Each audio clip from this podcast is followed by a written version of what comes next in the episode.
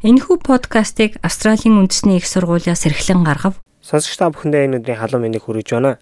SBS радиоос та бүхэндээ 7 өнөг бүр хүргэдэг оршин суух хөтжийнхоо энэ удаагийнхаа нэвтрүүлгийг хүрэхэд бэлэн болсон байна. Саяхны визний өөрчлөлтөөр Австрали улсад цагаачтыг байнгын төр оршин суугч статустай болгож байна гэсэн шүүмжлэлүүд ихээр гарч байна.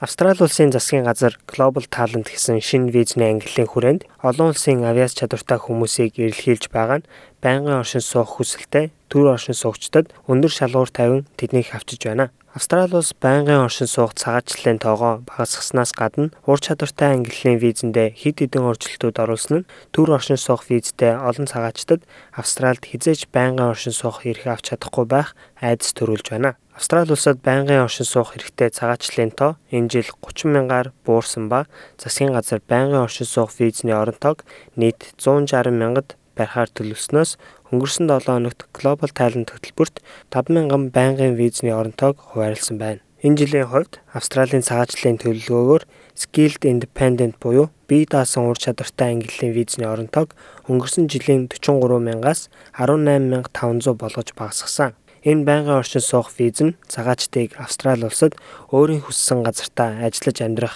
эрх олгодог хамгийн тааламжтай виз байсан юм. Энэ визний ангиллын орон тооноос 5000 нь Global Talent хөтөлбөрт зориулагдахаар болсон байна. Үлдсэн орон тоонд өрсөлдөхөд зарим хүмүүст визний шалгуурыг давах бараг боломжгүй мэд болж байна.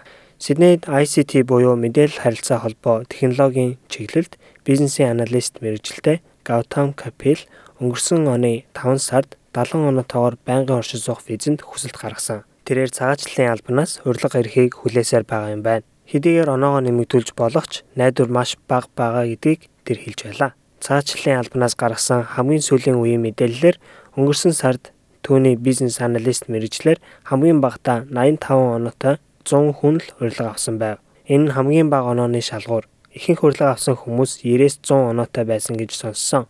Тэгэхээр надад ямар ч найдвар алга хэмээн Капил хэлж байлаа. Энэ визэнд хамгийн багадаа 65 оноотой байхад хүсэлтээ гаргах боломжтой болдгоо. Харин нэгтлэн бодогч мэрэгжилтэй хүн одоогийн байдлаар дор хаяж 90 оноо авч байж виз авах магадaltaй байна. Манай олон үйлчлүүлэгчид Австральд сурч ажиллан олон жилийг өнгөрүүлсэн. Харин одоо тэд энэ цагаачлалын өөрчлөлтөөс болж яах чаргагүй байдалд орчоод байгаа хэмээн Мельбурн хотын цагаачлалын агентлагийн Жужхаар Бажва хэлж байлаа. Маш олон өргөдөл гарагчид санхүү, инженер, IT чиглэлээр сурч өндөр үнэтэй дипломтой төгсөж ажлын туршлага хуримтлуулан мөн англи хэлний өндөр мэдлэгтэй байсан ч тэрхий их өрсөлдөөн бага оронтооноос болж босхийг давж чадахгүй байна. 2017-оос 2018 оны хооронд нийт 2 сая гаруй хүн төр оршин суух визтэй байснаас 800 мянган гадаадын оюутнууд байв. 2018 онд шинээр илсэн гадаадын оюутнуудын тоо 398563 байсан ба тэр жил өмнөх төгссөн оюутнуудаас зөвхөн 13138 нь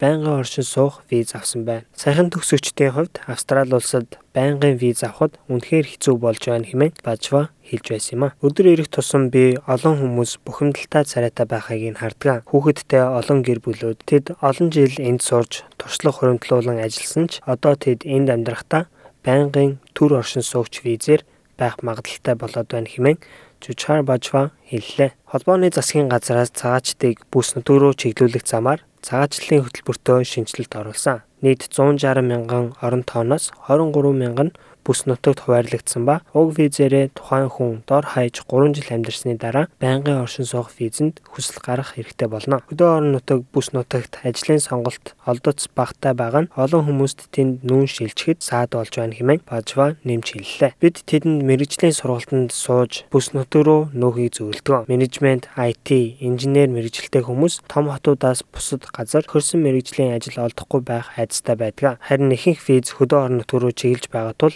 тэдэнд ямар ч сонголт байхгүй болоод байна. Хөдөө амьдар эсвэл эндээс яв гэсэн үг болж байна хэмээн тэр хэлж байлаа. Энэ жилийн 11 сараас бүс нутгийн 2 шинэ виз нэмэгдэх ба эдгээрийн оноонд суурилсан визэнд нь ур чадвартай гэр бүлийн хүн эсвэл хамтран амьдрагчтай тохиолдолд эсвэл ганц бие бол нэмэлт оноог олгох болсон. 2013 онд их нэртэйгээ Австралид ирсэн Капил энэ өөрчлөлтүүд над шиг олон хүмүүст сул тал болж нөлөөлөх байх гэж хэлж байлаа. Би энд боловсрал эзэмшиж хэд хэдэн жил ажиллан Австралийн салбарт туршлага хуримтлуулсан. Харин одоо энэ бүгд юунд ч хэрэггүй болоод байна. Энэ улсад би үрд төр оршин суугч хэврээ байх бололтой.